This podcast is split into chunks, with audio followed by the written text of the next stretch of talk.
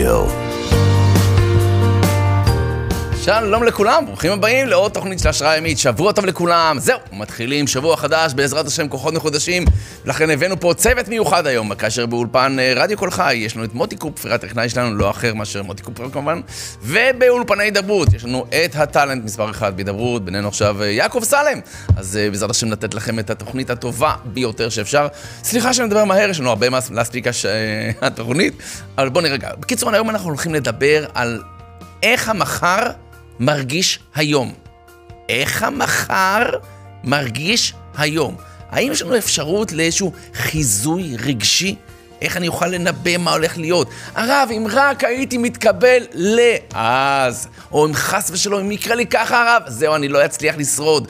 כל מיני דברים שהאדם מתמודד בהווה, אבל מנסה לדמיין איך הם בעצם ישפיעו עליו בעתיד, וברוב הפעמים, האם הוא צודק, האם הוא טועה, ננסה להבין, ננסה לראות קצת מה זה קשור לכוח ועדתו. הפרשה של השבוע ניקח אותנו לשני סיפורים של שני עולמות, מעולם הסקי האולימפי ועד למישהו שעובר תאונה מאוד מסוכנת. נראה מה יהיה בסופם. איך זה משפיע עלינו ואיך זה ישפיע עלינו גם בעתיד, כל זה ועוד בתוכנית שלפנינו. אז יקיריי, בואו נתחיל. אוקיי, קורח. חז"ל אומרים, פיקח היה. כוח, אסור לדבר עליו, זה, זה, זה אדם ענק, תבינו. הוא שבט לוי, משפחת קהת, מטועני הארון, הוא סוחב את ארון הקודש, שאתה חייב להיות באמת קודש קודשים, לגעת בזה. אתה יודע שיש הרי הלוויות אה, של גדולי ישראל, אז כאילו, לא לגעת במיטה, חייב, מי שנוגע במיטה חייב, רק אם הוא היה במקווה, כל מיני דברים, כי מבינים, ככל שאתה מתקרב אל הקודש, אתה צריך להיות זך ונקי. האריה הקדוש אומר שקורח זה צדיק כתמר יפרח, לעתיד לבוא, הוא יחזור, מה שנקרא. טוב, מה, מה, מה לנו עכשיו? חז"ל שואלים במדרש, מה רעה? מה, מה, מה, מה חסר לך, קורח? למה עכשיו אתה מתחיל להתווכח עם משה רבנו ולעשות מחלוקת שתהיה מותג? מחלוקת קורח ועדתו. יפה, לא מחלוקת קורח ומשה רבנו, לא. שימו לב טוב, מחלוקת קורח ועדתו, בסדר? למה? כי צריך שניים לריב, משה רבנו לא רב, אז זה, זה יתמתג רק על קורח, אבל לצורך העניין מבחינתנו, מה ראה? איזה שטות הוא ראה, חז"ל אומרים, וחז"ל מסבירים שעינו התעתתו. זאת אומרת, הוא ראה משהו בעתיד, וזה בלבל אותו. הוא ראה שיוצא ממנו שמואל הרמתי. הנביא שמואל יוצא, מחלצ... יוצא חלציו, הוא הבין, תקשיבו, אני פה על הדרך הנכונה, והוא חשב שזה בזכויות שלו, והוא לא יודע שזה יהיו הילדים שלו. זאת אומרת, הוא הסתכל על העתיד, למרות שהוא מקבל פה רוח הקודש. תבינו איזה בן אדם, באיזה רמה. ובכל זאת, אתה רואה שצפי לעתיד יכול להשתנות. כולנו מכירים את זה ברמה הפרטית שלנו, שרבות מחשבות בלב איש, אנחנו מתכננים, נעשה ככה, נעשה אחרת, ובפועל לא תמיד קורה מה שאנחנו רוצים. בינינו כמעט תמיד לא קורה מה שאנחנו רוצים, ככה נראה לי, אתה יודע, אני מתכנן כך, מתכנן אחרת, יוצא מה שצריך לצאת, אבל זה לא תמיד מה שאני רציתי שזה יצא, או לפחות ככה לא ציפיתי שככה יצא, עבורנו אלו החיים. אבל הנושא שאני רוצה להקדיש את תוכניתנו היום, זה לא מה יקרה בעתיד, כי זה באמת אף אחד לא יודע, אבל איך אני ארגיש בעתיד. לכאורה, זה ודאי שאני יודע. מה זאת אומרת, אני, אני יודע איך אני ארגיש בעתיד, אני זה אני, אני לא משתנה. המצבים השתנו, אבל אני זה אני. ופה גם אנחנו טועים, ננסה להבין איך הדברים האלה עובדים, כאשר למעשה המושג הזה של חיזוי רגשי, כבר, אה, זה נקרא באנגלית Effective Forecasting, שבעצם אה, פסיכולוג יהודי, ישראלי, דניאל קנמן, כבר בשנות ה-90 יצא בעצם מחקרים בנושא הזה, הוא פסיכולוג קוגניטיבי, זכה פרס נובל לכלכלה, כלכלה התנהגותית, ב-2002 כמדומני. בקיצור, אדם משכמו ומעלה, והוא התחיל לחקור את הנושא הזה, האם אני באמת יכול לחזות את העתיד? לנסות לראות מה אני ארגיש כלפי דברים שקורים לי. ובעצם בואו נספר שני סיפורים, ועל פיהם נבנה את שיחתנו. שני עולמות שונים. אישה בשם דיין רוס. דיין רוס היא זאת, היא בעצם מחליקת סקי אולימפית. היא נבח, בנבחרת ארצות הברית כבר מגיל 17, אישה מאוד מוכשרת בתחום הזה. היא מתחרה בסופר ג'י. סופר ג'י הכוונה היא זה סללום מאוד מאוד מסובך, מאוד מאתגר פיזית, והיא נחשבת העתיד הבא של ארצות הברית, ואכן היא לא מאכזבת, והבחורה מצליחה, באמת תחרות אחר תחרות, כאשר ב-1944, למעניינם, היא בעצם קובעת שיא אישי, שיא אולימפי, וזה היה התחרות האחרונה בחייה, כאשר בעצם היא נכנסת ל... זה נקרא Hall of Fame, כאילו היכל ה... ה לא יודע מה, היכל ההצלחה, נקרא לזה בסדר? של עולם הסקי בארצות הברית, זהו, היא הגיעה לפסגת חייה. תבינו שנשיא ארצות הברית מרים עליה טלפון אחרי הזכייה ואומר, דיין, כאילו, כל הכבוד, חזק וברוך, ממש מעריכים, אוקיי? זאת אומרת, היא הגיעה לפסגת חייה, כסף, תהילה, פרסום, כאילו, מה? מה אדם יכול לבקש יותר מזה? זה סיפוק. תחשוב. זה חלומו של כל ספורטאי, אנחנו אולי לא כל כך מבינים את זה, אבל תחשבו, ספורטאי זה החיים שלו. הוא לא, הוא, הוא עושה את זה גם בשביל הכיף, אבל בשביל הכיף תעשה את זה שעה בשבוע. לא, הוא עושה את זה כל יום, שעות, שעות, שעות. אלפי מתחרים, הוא בדרך עוקף אותם. והשאיפה שלו זה לא סתם שאתה יודע, הוא יזכה באיזה מדליה קטנה פה בשכונה. המשחקים האולימפיים, אולימפיאדת החורף, כאילו זה החלום, והיא עושה את זה, זהו. היא בעצם הגשימה לא רק את החלום שלה, חלום של כל אמריקאית שבתחום הזה, או בכלל, בעולם כולו. לכאורה, זהו. היא בפסגת העולם. חיים שכל אחד היה מקנא. שימו אותה רגע בצד. בואו נעבור לסיפור אחר. סקוט, השם שלו סקוט פדור. סקוט פדור גם בחור טוב, סיים אוניברסיטה, באמת בארצות הברית באוהיו, נעשו, יש לו רשימת שאיפות לחיים, 25 שאיפות שהוא כתב לעצמו, מן, אתה יודע, צ'קליסט כזה, והוא מתחיל להגשים באמת מטרה אחר מטרה, בין השאר אה, להתחתן, נשוי, כבר להיות אבא, נהדר, הוא מתקדם, שאיפה גם לכתוב ספר, עד שיום אחד. הם מגיעים להורים של אשתו.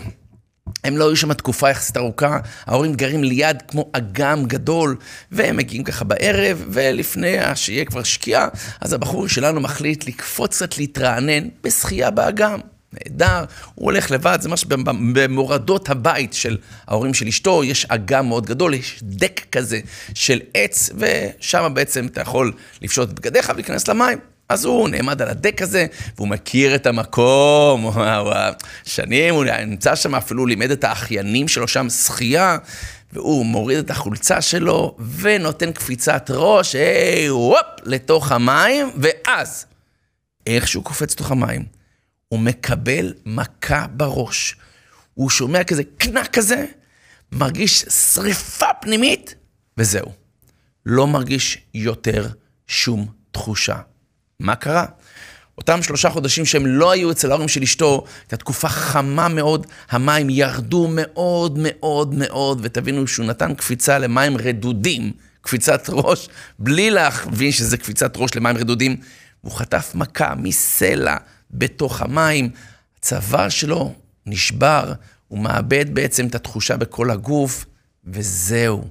תבינו שפה בעצם הוא שוכב על המים, הוא מבין שאין לו, לו אפשרות לעשות שום דבר. הוא לא מרגיש כלום בגוף. תבינו שהוא בעצם איבד את האפשרות שלו לזוז בכלל, נכות קשה, והוא ככה שוכב במים, ונגמר הסיפור. הוא מבין שאף אחד לא יציל אותו, והוא עם הפנים למטה, למים. הוא לא יכול אפילו להתהפך, הוא לא יכול לזוז כלום בגוף שלו.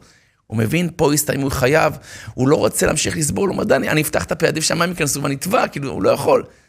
ובשלב מסוים הוא מאבד את ההכרה.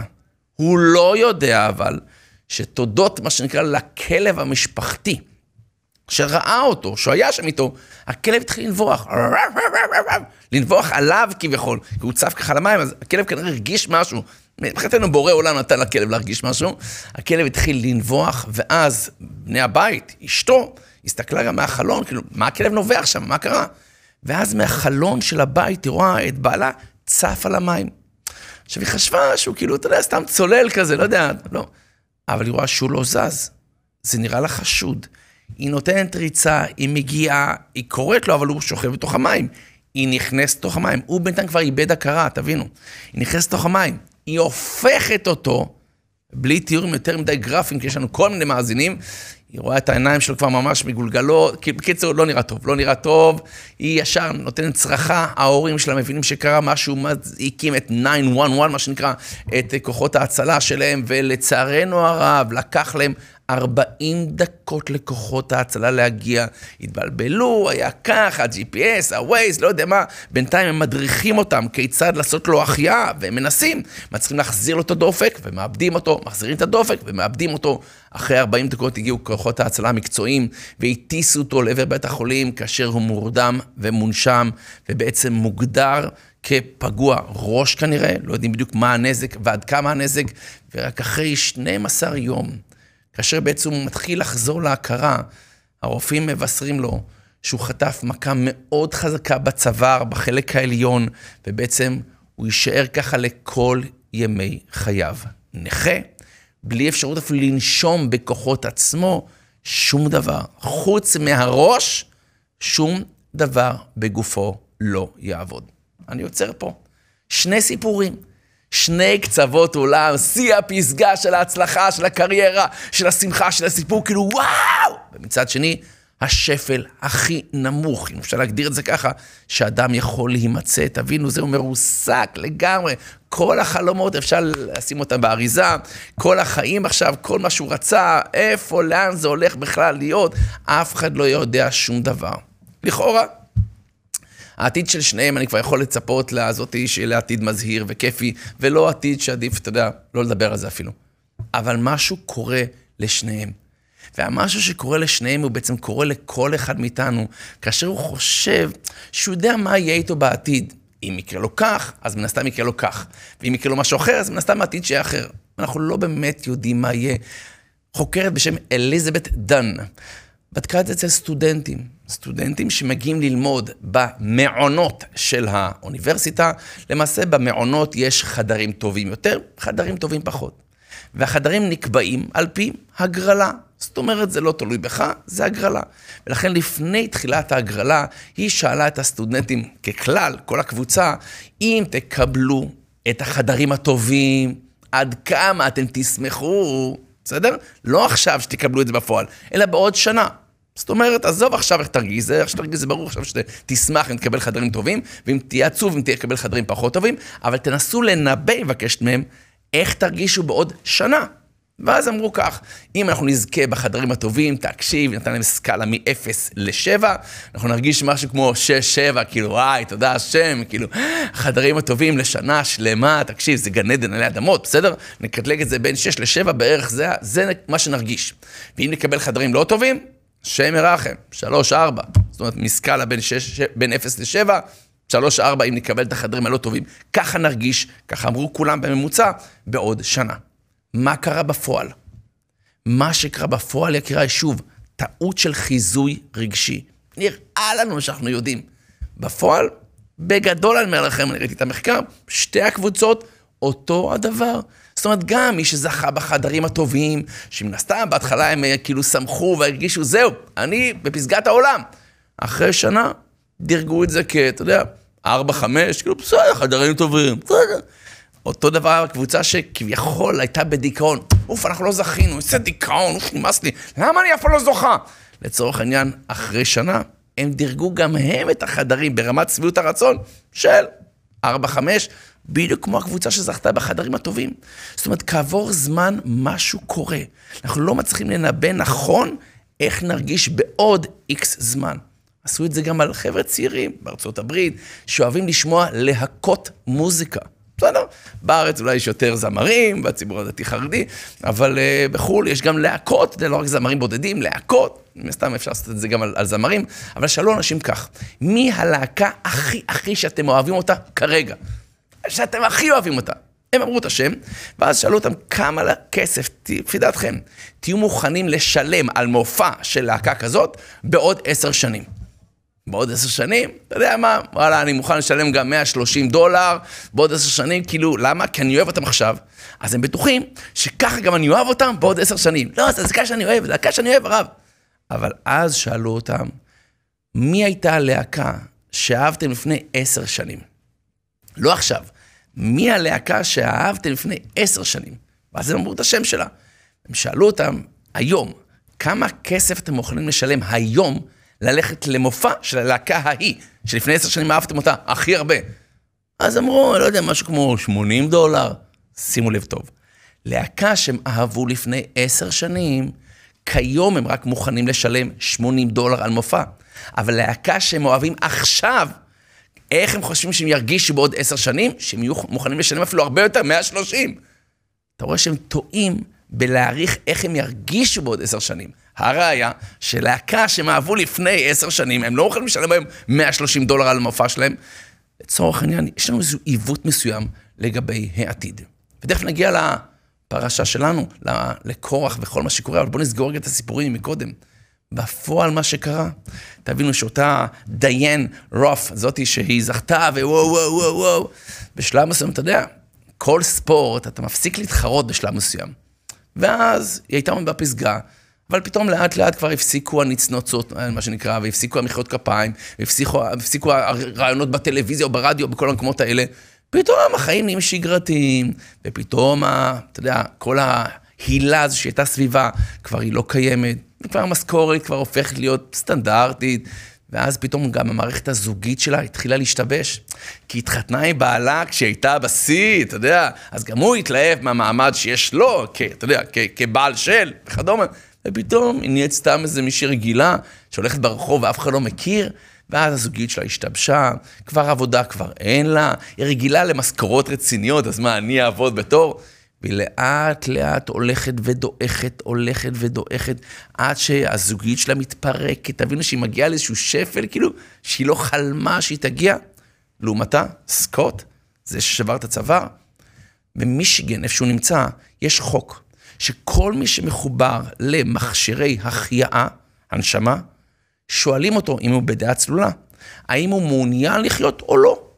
כיוון שמבחינתם צורת חיים כזאת היא לא במיטבה, בואו נקרא לזה ככה, אז אם אדם בדעה צלולה, שואלים אותו, אתה רוצה לחיות ככה? נמשיך להחיות אותך, מה שנקרא, כי שוב פעם צריך מכונת אה, הנשמה. אבל אם אתה לא רוצה, זכותך המלאה להחליט, שמירחם, כן? להחליט שאתה יכול לעצור פה את המערכת. זה לא הופך, שואלים אותם, כי אתה יודע, מצב כזה של, אה, של סבל, לפעמים אדם יכול לעשות טעויות, כי הוא לא, שוב פעם, הוא לא עומד נכון איך הוא ירגיש בעוד איקס זמן. אבל סקוט שלנו, אף פעם לא חשב שהוא יצטרך להתמודד עם השאלה הזאת, האם אתה רוצה לחיות? ובאותו רגע הוא מחליט, אני רוצה. והוא יוצא למסע של שיקום, שהוא לא יצא ממנו עכשיו ורץ מרתון, הוא יהיה מחובר לכיסא גלגלים. הוא בת... בתהליך הזה, כמובן, הוא לא יכול להזיז כמעט שום איבר בגופו. הוא גם כן, המערכת הזוגית שלו התפרקה, ככה אשתו החליטה. אבל הוא בשלב מסוים, כעבור תשע שנים, כבר הפך להיות מרצה למוטיבציה, שינה את הכל. התחיל לכתוב ספר, והכותרת שלו, אני אולי לא יכול לשנות את המצב של הגוף שלי, אבל אני בהחלט יכול לשנות את המצב הרגשי שלי. זה בידיים שלי. והוא הפך להיות באמת אדם שהוא מסופק, שהוא מרגיש טוב, שהוא מזכה את הרבים, לפי, לפי שיטתו וכן הלאה. וההיא בשלב מסוים, אתה יודע, אחרי 24 שנים, היא טענה שהיא מצאה לעצמה ברוך שם עבודה, וסך הכל עכשיו אה, יש לה זוגיות טובה, אבל היא אומרת, היום יש לי חיים נורמליים, ואני אפילו, אם אני אהיה אמיתית, היום אני יותר מאושר ממה שהייתי בהתחלה, אבל אני צריכה לעבור את כל התהליך הזה, ואני עוצר פה. והם חס ושלום רק תאורטית.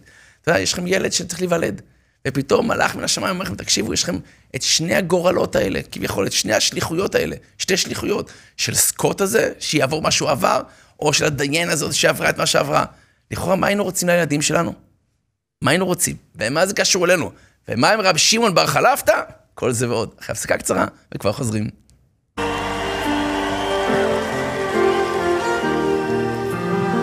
אומר אדם, גבירותיי ורבותיי,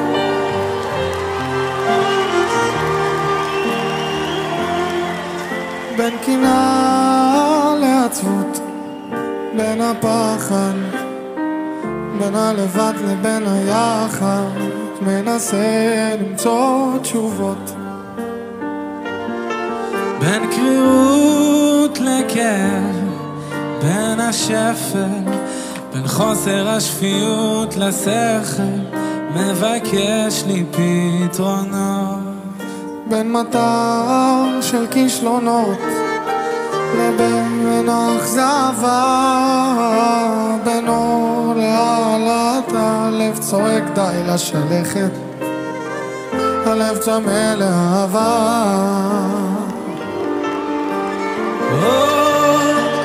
לילה ומיטה קרה לילה שהזמן עצר מלכת, שקט מחריש את האוזניים, לא מוצא דבר שינחם, אוכל להירדם. ישי ריבו!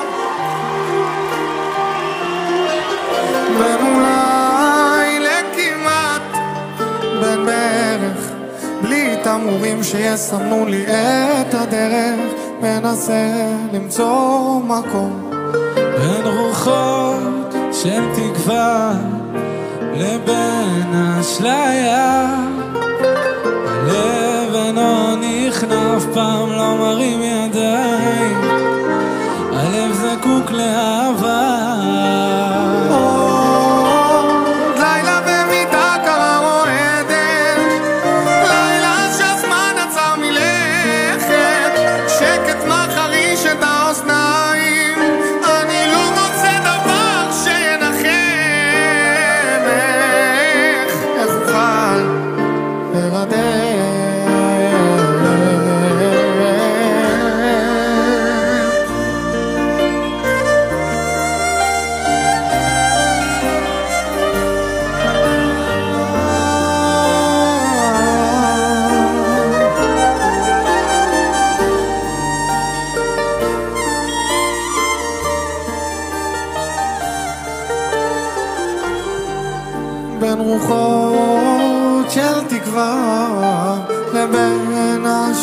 אשליה.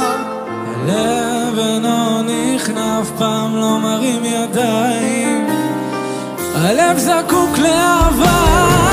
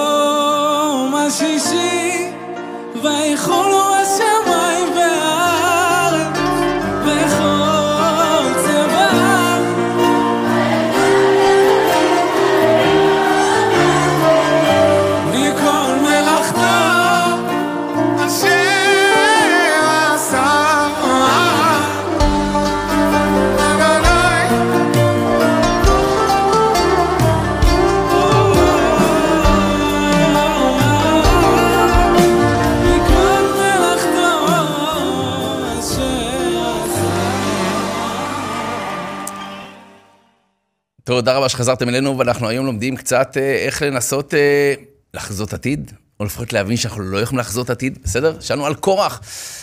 קורח שפיקח היה, אומרים חז"ל, מה ראה לשטות זו, נו באמת, מה לצורך העניין לפי דרגתו, הוא הרי רואה את העתיד, והוא רואה שהולך לצאת ממנו שמואל הנביא, לכן הוא מרגיש, אוקיי, אני על הדרך הנכונה, ואז הוא יוצא בעצם לאיזשהו מאבק אה, עם מחלוקת ידועה, עם קנאה, ואנחנו נדבר על זה אולי בהמשך, אבל אנחנו רואים איך אדם יכול לבחור לא נכון בהווה על סמך העתיד.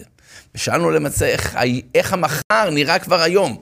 אנחנו אומרים שהמחר, אנחנו לא באמת יודעים לצפות אותו, איך נרגיש. לכן יש מושג שנקרא חיזוי רגשי, או קראנו לזה בשפה המקצועית, effective forecasting. זאת אומרת שאנשים מנסים לחזות את העתיד, איך אני ארגיש שיהיה לי כך וכך. כי שוב, כולנו רוצים שיהיה לנו רק דברים טובים. אבל אנחנו טועים בחיזוי, כי אנחנו חושבים שמשהו טוב שיקרה לנו, או שקורה לנו עכשיו, יישאר לנצח, ואתה בטוח, זהו, הגעתי למנוחה ולנחלה. וסליחה, זה אחרי 120. וגם אז ילכו מחיל אל חיל, בסדר?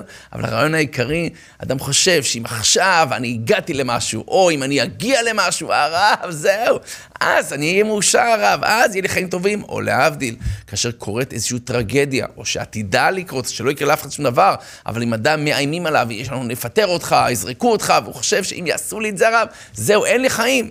וזה לא מדויק. אנחנו אומרים שאנחנו יצורים הסתגלותיים. והאדם מסתגל להכל, גם לדברים הטובים, וממילא הם כבר פחות מלהיבים אותו, כמו שהיה בהתחלה. או להבדיל, גם הדברים הפחות טובים, שאולי כמעט שברו אותו בהתחלה, גם אליהם מתרגלים. כאן הבאנו שני סיפורים של שני קצוות כביכול עולם הרגש, כאשר אחת ספורטאית, אחות, אה, גולשת על סקי, אלופת ארצות הברית, מייצגת, מגיעה לזהו, ל-Hall of Fame, כאילו היכל התהילה בארצות הברית, זהו, נשיא ארצות הברית מתקשר אליה, היי, כאילו, מה?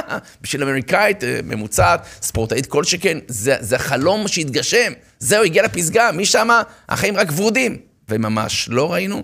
זאת אומרת, אחרי איקס זמן, לא משנה כל אחד מבנה, מבנה האישיות שלו, או איך הוא לומד להעריך את הדברים הקטנים של החיים, אבל זה לא, לא הנקודה כרגע, פתאום, אתה יודע, החיים נהיים בנאליים, ואז אם התרגלת לאיזשהו באמת פסגה, פתאום, אתה יודע, נהיה לך חם בפסגה, אתה יודע, יש נוף יפה, קריר, נעים, פתאום אתה רואה שהחיים לא כאלה. החיים זה לא פסגות, מה שנקרא. לכן היא הולכת ודועכת, להבדיל, אותו בחור שקופץ למים, סיפרנו עליו, הוא שובר את הצוואר שלו, הוא הופך להיות נכה מכף רגל ועד ראש, והייתי אומר, תשמע, העתיד שלו, לא רק שלא יהיה מזהיר, הוא יהיה דיכאוני כל ימי חייו, אבל ממש לא. אני לפחות שמעתי אותו תשע שנים לאחר, כאילו עכשיו תשע שנים אחר האירוע שהוא קרה, והוא היום הוא מדבר והוא נותן הרצאות, נכון, על כיסא גלגלים, נכון, עם מיקרופון שנמצא מול הפה, והוא מדבר אבל עם באמת התלהבות, עם שמחת חיים, עם הרגשה של יש לי חיים מלאי משמעות, עם סיפוק, עם נתינה, עם גדילה, כותב ספר על חייו, בעצם לשתף את העולם במסע שלו, שבמידה מסוימת שניהם הגיעו לאותה רמה. למה? כי חלק מהדברים שהיינו רוצים לילדים שלנו, לעצמנו, זה כמובן שהם יהיו חיים מאושרים, שיהיו חיים עם סיפוק, חיים של נתינה, של תרומה, מה שנקרא. ואתה רואה ששניהם הגיעו לזה. גם מי שעבר את ההצלחה הגדולה, בסופו של דבר, אחרי שהוא התאזן, הוא הגיע לזה, וגם מי שעבר את הטרגדיה הכי גדולה, בסופו של דבר, הגיע לזה. לדעת שבסופו של דבר, אל תתבלבלו ממה שאתם רואים בהווה. כי מה שיהיה בעתיד, אולי נגדיר את זה כעולם הפוך ראינו. מה הכוונה? הגמרא מסכת פסחים הרי מספרת על רבי יוסף. רבי יוסף הוא היה בן של רבי יהושע בן לוי, ויום אחד קרה מה שקרה, והוא עבר איזשהו מוות קליני כזה, נקרא לזה ככה. חלש ואיתנגיד. אומרת הגמרא הזו, הוא היה חולה והוא נפטר. כשהוא נפטר הוא עלה למעלה. עלה למעלה, וכאשר כולם שואלים, מישהו חזר משם? אוקיי, אז הוא חזר משם. כשהוא חוזר משם, אביו שואל אותו, מהי חזית? מה ראית? אומר, עולם הפוך ראיתי. עליונים למטה ותחתונים למעלה. טוב, מה הכוונה? לכאורה, הוא אומר, אני רואה עולם שאני... אני מכיר את העולם פה לפני שנפטרתי, מה שנקרא, וראיתי, אתה יודע, יש פה אנשים שמכובדים מאוד, שמעריכים אותם מאוד. לא משנה אם זה כלכלית, או אפילו רוחנית, מחזיקים ממנו, תקשיב, ההוא, ופתאום כשעליתי למעלה, ראיתי זה בדיוק ההפך. כביכול, אלה שפה מכובדים, שם הם, אה, לא יודע מה, אתה יודע, מטאטא רחובות, מה שנקרא. אז איך זה יכול להיות? אז כאילו הוא התפלא, הוא כאילו חזר עם סימן שאלה כזה, איך זה יכול להיות? אז בואו נשים דברים על השולחן. ברור שמבחינה כלכלית, מי שפה למעלה, זה לא אומר כלום על משהו למעלה. ומאוד יכול להיות שפה אתה תראה איזשהו שר מאוד חשוב, אולי אפילו בלי, אתה יודע, כל מיני דרגות בהיררכיה החברתית. ושיעלו למעלה, נגיד הוא זמר, מפורסם, לא יודע מה, דיברנו על זמרים, הוא פתאום, אתה יודע, וואו, ושם למעלה, כאילו, איפה הוא? כאילו, אוקיי, מאוד יכול להיות שאתה רואה, לא נכליל, אבל זה שמישהו פה למעלה, גשמית, ממש לא אומר כלום על משהו למטה, למעלה, אולי אפילו ההפך, בסדר? זאת אומרת שהוא פה הוא למעלה, ושם אם הוא אה, לא ממלא תפקידו הרוחני, שם הוא למטה. אבל זה לא צריך להפתיע את, אה, את רב יוסף, זה כל אחד מאיתנו יודע את זה. אלא מה שהפתיע אותו היה משהו אחר, שימו לב טוב, שגם העליונים רוחנית פה, למטה, בעולם שלנו, מאוד ייתכן שהוא ראה אותם שם למעלה, כביכול תחתונים. הכוונה? לא מדובר חס ושלום על רבנים גדולים, על אנשים צדיקים, לא, לא זה מדובר. אלא ברמה יותר פרקטית, שימו לב טוב. בואו ניקח דוגמה של ישיבה אפילו. בישיבה יש בחור ממש מתמיד, לומד כל יום 12 שעות, תקשיב, נותן בראש, יפה. נחשב השפיץ של הישיבה, נכנסו לשידוך, סידור מלא אולי אפילו. כולם, אתה יודע, רוצים להתחתן עם הבחור הזה. לעומתו יש בחור אחר בישיבה, הוא לומד חמש שעות. כאילו, אתה יודע, השם יעזור. נו, אז מי נחשב עליונים פה למטה? ברור שהבחור שלומד 12 שעות, המבריק, והבחור עם החמש שעות, השם יעזור לו, כאילו, אוהבים אותו, מה שנקרא, אבל אתה יודע, בינתיים. וזה, חז"ל אומרים, שמה שראה, ככה מסביר המביט בהקדמה שלו אה, בספר, שהוא לצורך העניין, זה מה שהוא ראה. הוא ראה למעשה שמי שפה תחתונים, זאת אומרת הבחור שלומד חמש שעות, הוא למעלה מהעליונים. והבחור המתמיד, הרציני, הוא כביכול מהתחתונים של מטה. איך זה יכול להיות? זה מה שהוא שואל את האבא שלו. ואבא שלו אומר לו, ממש לא ראית עולם הפוך, אלא עולם ברור ראית. לכאורה נשאלת השאלה איך זה יכול להיות. תקשיב, הוא לומד תכלס, עזוב אותך דיבורים. 12 שעות ביום הוא לומד, הוא מבריק, מה אתה, מה תספר לי עכשיו סיפורים? נכון, אבל הדגש הוא כזה, שימו לב טוב. למעלה זה עולם האמת. ועולם האמת לא הולך על פי כמות השעות שאתה לומד, או הסברות המבריקות שיש לך, אלא למעלה מעריכים מאמץ. למעלה מעריכים כמה כל אחד מאיתנו מוציא את המקסימום שלו. ואם הבחור המבריק, שלומד 12 שעות ביום, יש לו סברות מאוד טובות, אבל הוא יכול ללמוד, סתם תיאורטית, בואו לא נלחיץ אף אחד, אבל הוא יכול ללמוד 18 שעות ביום, והוא יכול להיות הרבה יותר ממה שהוא פה. אז למרות שפה הוא מהעליונים, בפועל למעלה הוא מהתחתונים. ולעומת זאת, הבחור שלומד חמש שעות, מאוד יכול להיות שיש לו כל כך הרבה קשיים, שבפועל הוא בקושי יכול ללמוד שעה, אבל הוא דוחף את עצמו, והוא מתפלל על זה, והוא רוצה, והוא משקיע, והוא למד חמש שעות. ואחד כזה, שפה נחשב כביכול במרכאות מהתחתונים, הוא נחשב שמה מהעליונים. ולכן כשאנחנו מסתכלים, אנחנו פה בשיעור על ראייה, מה שנקרא, ראייה בהווה, ראייה עתידית, כשאתה מסתכל על מישהו ואתה מנסה לקטלג אותו, מה הערך שלו, מה שנקרא, אולי אנחנו רואים ממש לא נכון, אולי עולם הפוך ראינו, ודווקא מי שמאוד מצליח, לא בהכרח בעתיד יצליח, לא רק בעולם הזה, אלא גם בעולם הרוחני הבא. לכן רבי שמעון בר חלפתא, ערב שבת אחד, מספר המדרש, שהוא היה מצב כלכלי מאוד קשה, מאוד קשה. ובשלב מסוים, ערב שבת, הוא אמור לעשות קניות, אין כסף. הוא יוצא החוצה, מתפלל לאלוקים, ותקשיב, אלה הם, הם קרובים לצלחת, האנשים הללו, ואלוקים נותן לו אבן טובה. שמעת? מתפלל, אלוקים שולח לו, קבל איזה יהלום, מפנק אותך. נהדר, לוקח את היהלום הזה, את האבן הטובה, הולך לשולחני, אחד שאתה יודע, בבורסה ביהלומים, ונותן לו הרבה מאוד כסף, הולך, קונה קניות, מפנק את המשפחה, שולחן כיד המלר, ואשתו, אתה יודע, היא רואה את השולחן, היא אומרת לו, מאיפה, מאיפה, מאיפה הכסף הזה? שמעון, כביכול בשפה שלנו, כן? מה, מאיפה הכסף הזה? מספר לה, תכלס, אני התפללתי לקדוש ברוך הוא, נתן לי אבן טובה, זהו. תראי, תראי את האישה, היא אומרת לו, אני לא נוגעת באוכל עד שאתה מבטיח לי, נשבע מה שנקרא, לא נשבע חס ושלום, אבל אתה יודע, מבטיח לי, שמוצאי שבת אתה מחזיר את האבן.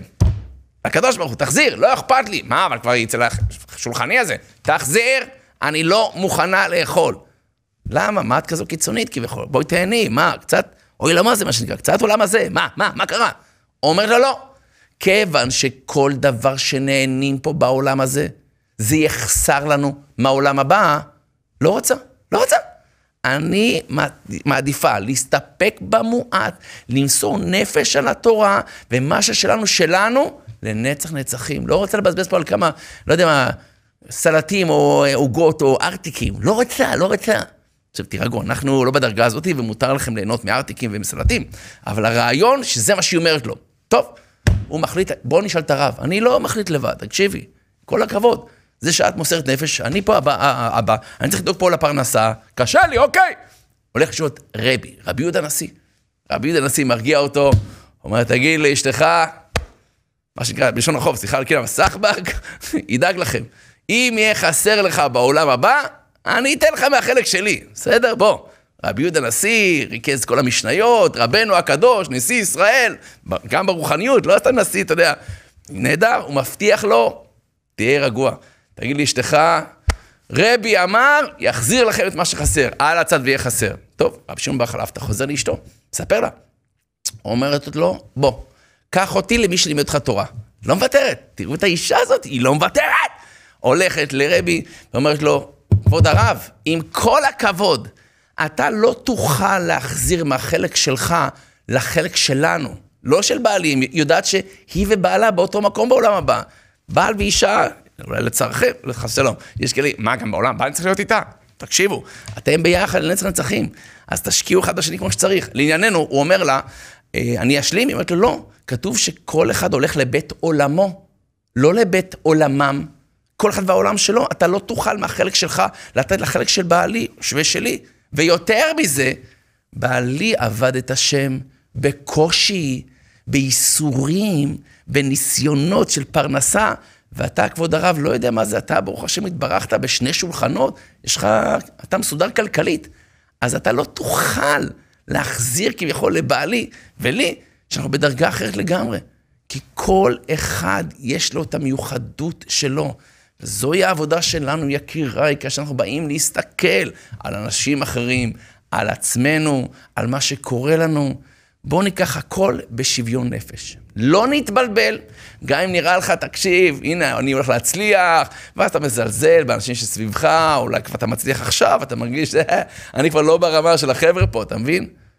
אני אומר לך, אל, אל תשכח שאתה באור את האנשים שהיו איתך בחושך. כי האור נחמד, אבל יש שקיעה, אתה יודע את זה. יש גם זריחה, אני לא אומר שלא, אבל יש גם שקיעה. ולצורך העניין, אל תאבדו עשתונות כשקורה משהו לא טוב, במחשבה שזהו הרב, איך נסתדר? איך אני אסתדר? תזכרו את זה. אנשים טועים כי הם לוקחים פרט אחד ומתמקדים רק בו. או בפרט הטוב, אם אני אקבל קידום הרב, זהו, אז אני, אני מסודר בחיים, יהיה לי עוד פרנסה ועוד... נכון, אבל לא מתמקדים בעוד מיני דברים שהקידום הזה יביא, עוד לחץ, עוד שעות מחוץ לבית, או כל מיני דברים של ניסיונות אחרים. אנחנו לוקחים נקודה אחת וחושבים שהיא כל החיים. אתה יודע, בדבר הטרגדי. רואים דבר לא טוב שקרה, וכאילו, זהו, הוא ימשיך כל החיים, איך אני אסתדר? תפתחו שנייה את ההסתכלות, את הפריזמה, מה שנקרא, ותראו את זה בצורה הרבה יותר נכונה והרבה יותר נכוחה, ותזכרו, רק בורא עולם יודע באמת מה הולך להיות. אז אלוקים קובע את המצב, אנחנו נשתדל לקבוע את המצב רוח בצורה טובה, להעריך כל דבר קטן שיש לנו, לא לפגוע ולזלזל באנשים אחרים, ועד כאן להיום. אז המון תודה, קודם כל למוטי קופפר הטכנאי, ולמאיר ליבוביץ' שהצטרף אלינו עכשיו בהידברות. ואנחנו רוצים רק להגיד עוד דבר אחד, כיוון שאנחנו מחר, יש לנו סדנת CBT, פרטי, פרט, אה, כלים פרקטיים למי שצריך, בגלל שהסדנה כבר מלאה, אין לנו מקום להכניס למחר. אנחנו פותחים שבוע הבא, בלי נדר, שבוע הבא, סדנה נוספת ביום שני, בסדר? אז מי שרוצה עדיין להצטרף, או רוצה להצטרף, יום שני הבא. סדנת CBT, חמש שעות, מ-5 אחרי הצהריים עד 10 בלילה, עם כלים פרקטיים מעשיים לחיים של כל אחד מאיתנו. אותה שיטה שכולם מדברים עליה, תכלס, איך מיישמים אותה בחיים, איך אפשר לשלוט יותר על המחשבות שישפיעו על הרגשות, שמשפיעות על המעשים, איך זה עובד, איך זה לא, כל זה ועוד. טלפון אחד, זריז, 053 436 1311. אני חוזר, סדנת CBT, שבוע הבא, שבוע זה כבר מלא, שבוע הבא, 053 436 1311, גברים ונשים הפרדה מלאה. עד כאן להיום. תודה רבה באמת למוטי קופפר הטכנאי, מאיר ליבוביץ', ואנחנו נתראה ונשתמע בעזרת השם. תוכנית הבאה מחר. כל טוב, להתראות.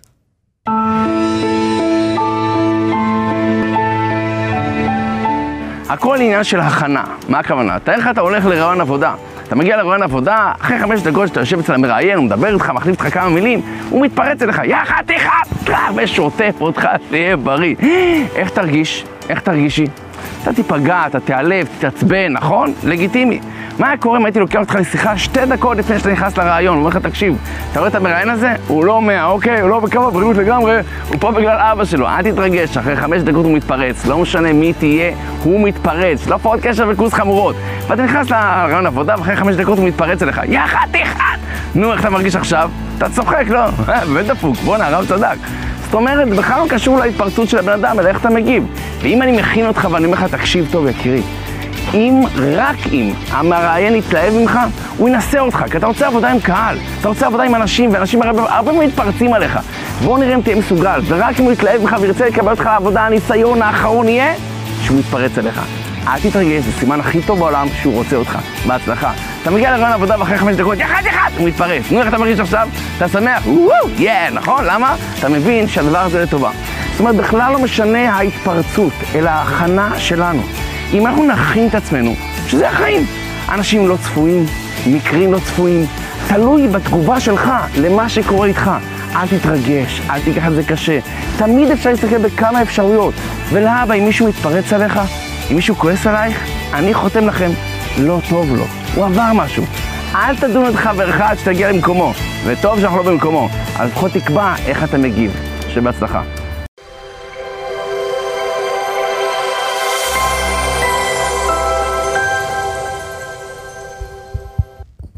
תודה רבה שחזרתם אלינו, והיום איתי שלומי כהן. עולם של שיווק. אתה יודע, כל אחד שרוצה לעבוד, בפרט אם הוא איזה עצמאי קטן, לא רק רוצה לעבוד, רוצה גם שידעו שהוא עובד, אוקיי, שיש לו מה למכור. איך אנחנו משווקים את עצמנו נכון? חבר'ה, אני פה! איך עושים את זה? איך לא עושים את זה? מה היהדות יכולה לעזור לכל אחד מאיתנו? בואו נשמע את זה מהמומחה, שלומי כהן. בוקר טוב, מה שלומך, שלומי? בוקר טוב, שלום וברכה, ברוך. השם. ספר לי קצת, שלומי. מה, איפה באת, מה אתה עושה בחיים? אז אני שבע שנים אה, עצמאי, ואני מתעסק בתחום השיווק כבר שבע שנים. אוקיי. למדת את זה, יש לך את זה, איך זה הולך? אה, לומדים קורסים, אה, יש המון המון, זה לא... תורה, זה לא איזשהו סתם... כן, כן, לא, זה, ממש ללמוד את זה. אני לפחות השקעתי, לפעמים הייתי לומד שני קורסים במקביל, ממש רציתי לתת את הכלים הכי טובים ללקוחות שלי. מצוין. ובאמת בשנים הראשונות, למדתי עוד ועוד שיטות, ואומרים לך גם, יש איזה דרך להצלחה, יש נוסחה, אוקיי. שאם תעשה אותה א', ב', ג', אתה תצליח. אז לפני שעוברים למשהו אחר, תן לי נוסחה כזאת. הלוואי והיה. אוקיי, אז אין. אז אה, גיליתי. אז כבר קפצת קדימה, גיליתי שאין. אוקיי, מה זאת אומרת אין? אה, כאילו, אומרים לך, אם תעשה דברים מסוימים, כן, אז אתה כנראה תצליח. אוקיי. וניסיתי את זה עם לא מעט לקוחות, והתוצאות היו מאוד מגוונות. Mm-hmm. חלק מצליחים יותר, חלק פחות, אבל במקום הזה שאומרים לך, אם תעשה את זה, אתה תצליח, זה לא היה ודאי. אוקיי. זאת אומרת, מה, הבעיה בשיטה, כאילו, אתה חושב? אה, הבעיה היא בדרך הסתכלות. מהמם, אוקיי. וכשניסיתי למצוא את התשובות, פה יש לי הכרת הטוב מאוד גדולה לערוץ הידברות, אז אמרתי, הייתי אומר לאנשים, כשלא היה לי תשובות, הייתי ממלמל פרנסה משמיים. אוקיי. זה היה, אולי אני אקדים, זה היה עוד לפני שאני, אני, נקרא לזה דתל"ש חוזר, היה תקופה שהתרחקתי מהדת. דעתי ש...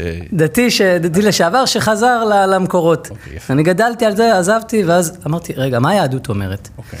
ורצה הקדוש ברוך הוא, פתח את עיניי, וערוץ הידברות שוב חזר, אה, הרב זמיר כהן, שיעורי קהלת, אה, ואמרתי, וואנה, אם אני רוצה ללמוד, אני לומד מהמנטורים בארצות הברית, מנטורים בארץ, אם אני רוצה ללמוד, בא לי ללמוד מהמנטור נקרא לו הכי גדול, חכם באדם. וואו, שלמה המלך, כאילו. מה שלמה אומר בספר קהלת, והתחלתי לשמוע את הרב זמיר, ב- גם בסדרות הראשונות שלו, גם בסדרות האחרונות, גם את הספר שלו, הייתי פותח במשך שנה, כל יום קורא קטע קטן. אוקיי.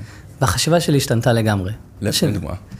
אה, אם למשל בחוץ אומרים לך, אתה צריך להיות כמה שיותר גדול, כמה שיותר חזק, גאווה נקרא לזה, היהדות אומרת, צנעה. אוקיי. יפה, צנעה, גאווה להפך מרחיקה את הבורא? אתה מאיתנו. רוצה לשווק את עצמך, מה תגיד? תשמעו, אני אפס, אני כלום. אה, אל תבחרו בי, כי אני, הכל מתנה משמיים, אני אהיה... מה מה אתה אומר? כן צריך- אני אומר, נכון, אתה משווק את עצמך, אבל אתה לא חושב שזה אתה. אוקיי. וזה דבר מאוד מאוד משמעותי, למשל, אה, רבי שמחה אה, בונים אומר, שני כיסים, אה, יש שתי פתקים באדם, בכיסים של האדם. פתק אחד, אנוכי עפר ואפר, אוקיי. פתק שני, בשבילי נברא העולם. עכשיו, זה האיזון המושלם. כשקראתי את זה, אמרתי, וואו, כי אם אתה מצד אחד אומר, בשבילי נברא העולם, ואתה אני, אני ואני, מגיע לגאווה, אבל אם אתה עם אנוכי עפר ואפר, אתה אומר, זה לא שאני מבטל את עצמי לגמרי, וגם לא שאני מגדיל את עצמי לגמרי. אני פה לתת את הכלים. תחשוב, עכשיו מגיע אליך לקוח, אה, אני מייצג את הלקוח, היי, מה נשמע, שלומית, אה, יכול לעזור לי, תקשיב, אני פתחתי אה, אה, מאפייה קטנה ואני מאוד רוצה להצליח, ומה לעשות, הרב? או שלומית, מה מה אז לעשות? קודם כל, אני מעביר את שני הדברים, גם את הכלים, מה לעשות ברמה הפרקטית, וגם נקרא לזה האורות. מה, איך להכניס את הקדוש ברוך הוא לעסק. דברים שמשפיעים אה, מתוך היהדות. בעולם העסקי הקלאסי, הרוב בעיקר טכני. אוקיי. מה לעשות, תלך, אבל גם מסר. זה חשוב, לא? זה חשוב, זה הכלי. להשתמש בזה גם. בלי זה לא יהיה לנו ברכה בעשייה. אנחנו אומרים, אוקיי. וברכתיך בכל אשר תעשה. נכון. אז תן לי שלושה כלים בעשייה הגשמית. הגשמית, כן. אה, למשל להעלות אה, פוסטים בפייסבוק, לפרסם במיילים, להעלות קמפיין אה, פרסום, שלטי חוצות. יש צריך לשווק את זה, כן, שידעו ימבה, שזה כלי, קיים. הנה כלי, אני פה בערוץ הידברות, ברוך השם, הוזמנתי. כלי. יפה. האם תהיה ברכה בכלי הזה? זה כבר תלוי בגזרה של הקדוש ברוך הוא. אוקיי.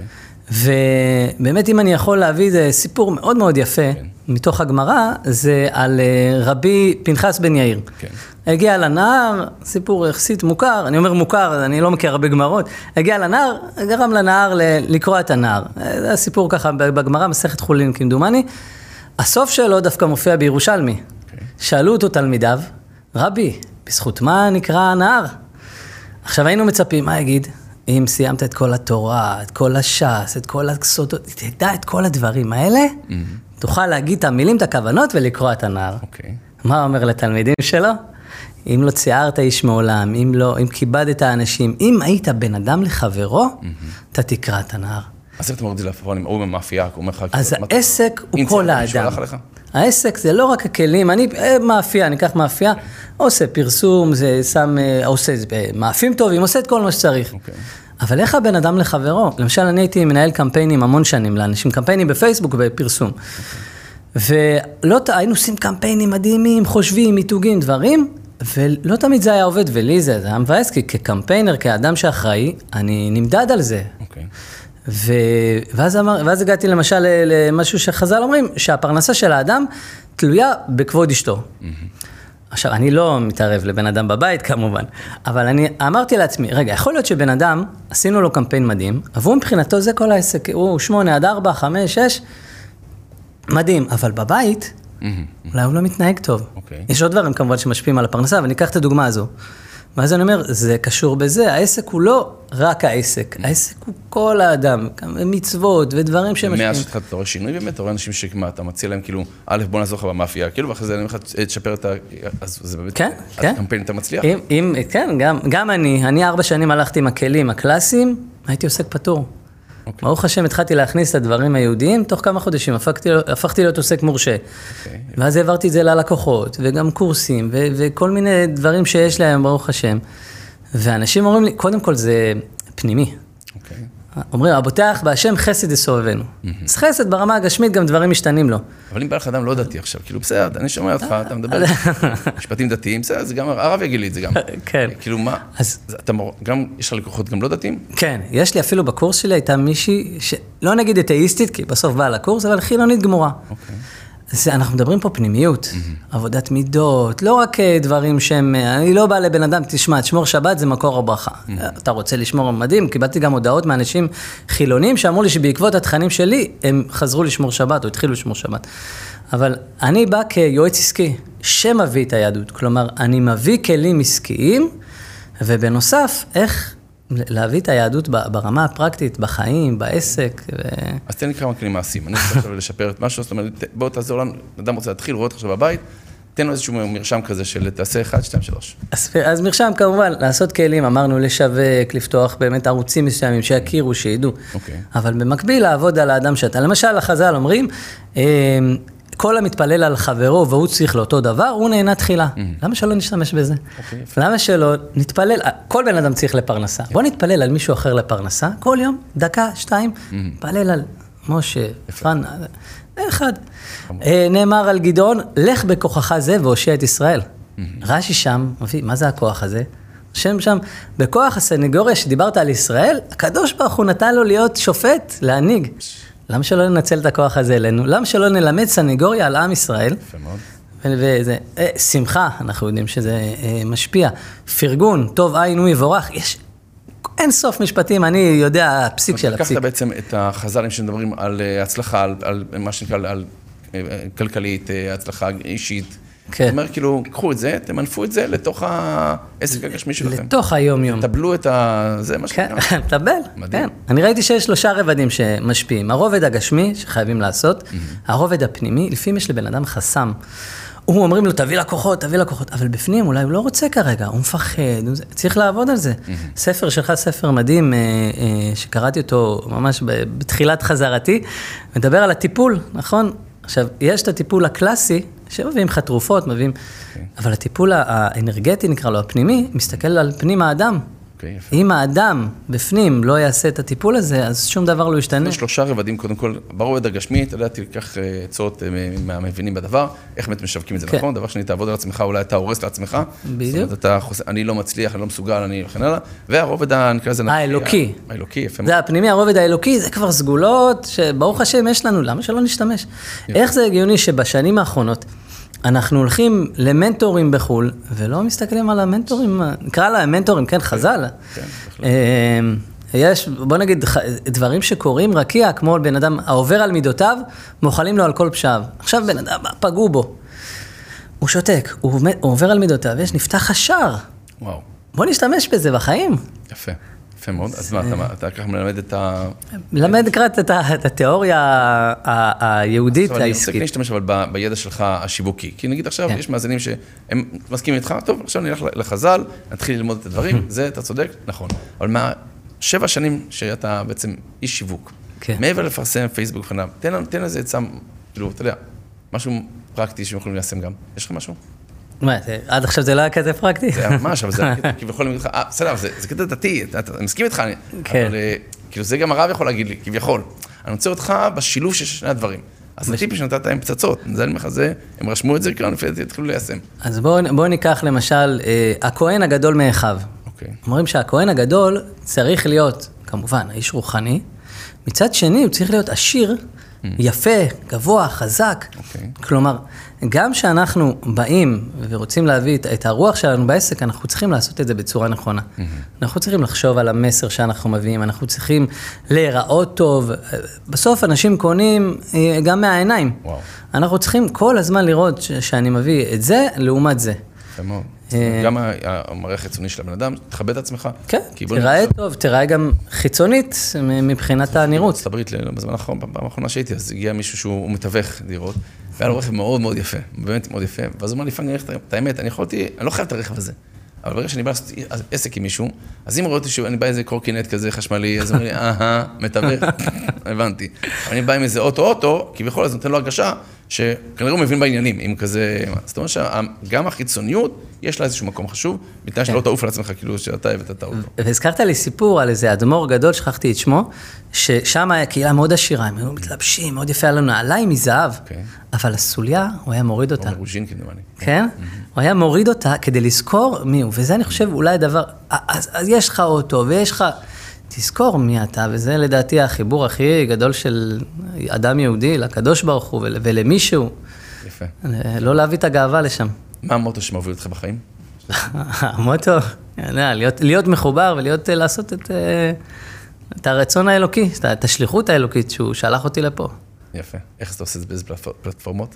יש לי קבוצות וואטסאפ, אה, יש לי ערוץ פודקאסט בספוטיפיי, מכירים, יוטיוב. לא, איזה... איזה... אה, זה נקרא עסקים אה, ברוח היהדות. אני מביא שם פרשות שבוע, אה, אירוחים, דברים מתוך הדברים היהודיים, אבל מחבר לעסק, אני קורא לזה שיעור תורה עסקי. אנחנו ככה מרוויחים כפול, גם תורה שהיא כנגד כולם, וגם לומדים על העסק, על החיים. יפה מאוד, אהבתי. שלומי, כל הכבוד. אה, אז בואו, קבלו אה, כמה, כמה טיפים אה, מעשיים. א', תתחילו לעבור על כל החז"לים, שבאמת, כמה טיפים יש לנו, אתם צודקים לגמרי, אף אחד לא חשב, אתה יודע, אף אחד לא חשב לפתוח איזה בית ספר לעסקים יהודי, מה שנקרא, נכון?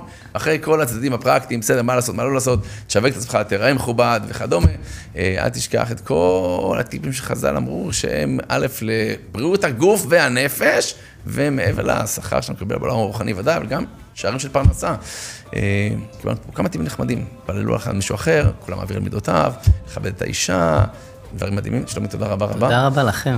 ויהי רצון שנדע באמת אה, לקחת את המתנות האדירות שאלוקים נתן לנו וליישם את זה ביום-יום את החיים של כל אחד מאיתנו. שלומי, תודה רבה שתצליח בכל מה שתעשה, שגם אנחנו נצליח וגם אתם תצליחו, שמזכה את כולנו להצליח בכל מה שנעשה. אמן, כן יהי רצון. כל טוב, יום טוב, להתראות.